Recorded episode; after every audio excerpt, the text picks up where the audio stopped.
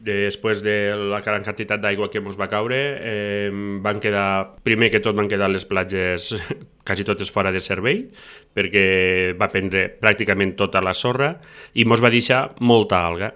Eh, dir des de la regidoria que estem treballant per a retirar l'alga de totes les platges. Sí que potser han prioritzat primer les tres que estan dins del municipi, però que s'arribarà a tot arreu. Hem tingut que contractar empreses externes de l'Ajuntament que ens ajudin perquè considerem que encara sí que estem al setembre però que la temporada de bany encara s'allarga eh, uns, un meset bo i volem tindre les platges pues, a l'alçada del que és un poble turístic. Sí que en acabat deixarem que la natura faci el seu procediment habitual i potser les algues quedaran, serà un paisatge que ens canviarà les platges durant l'hivern.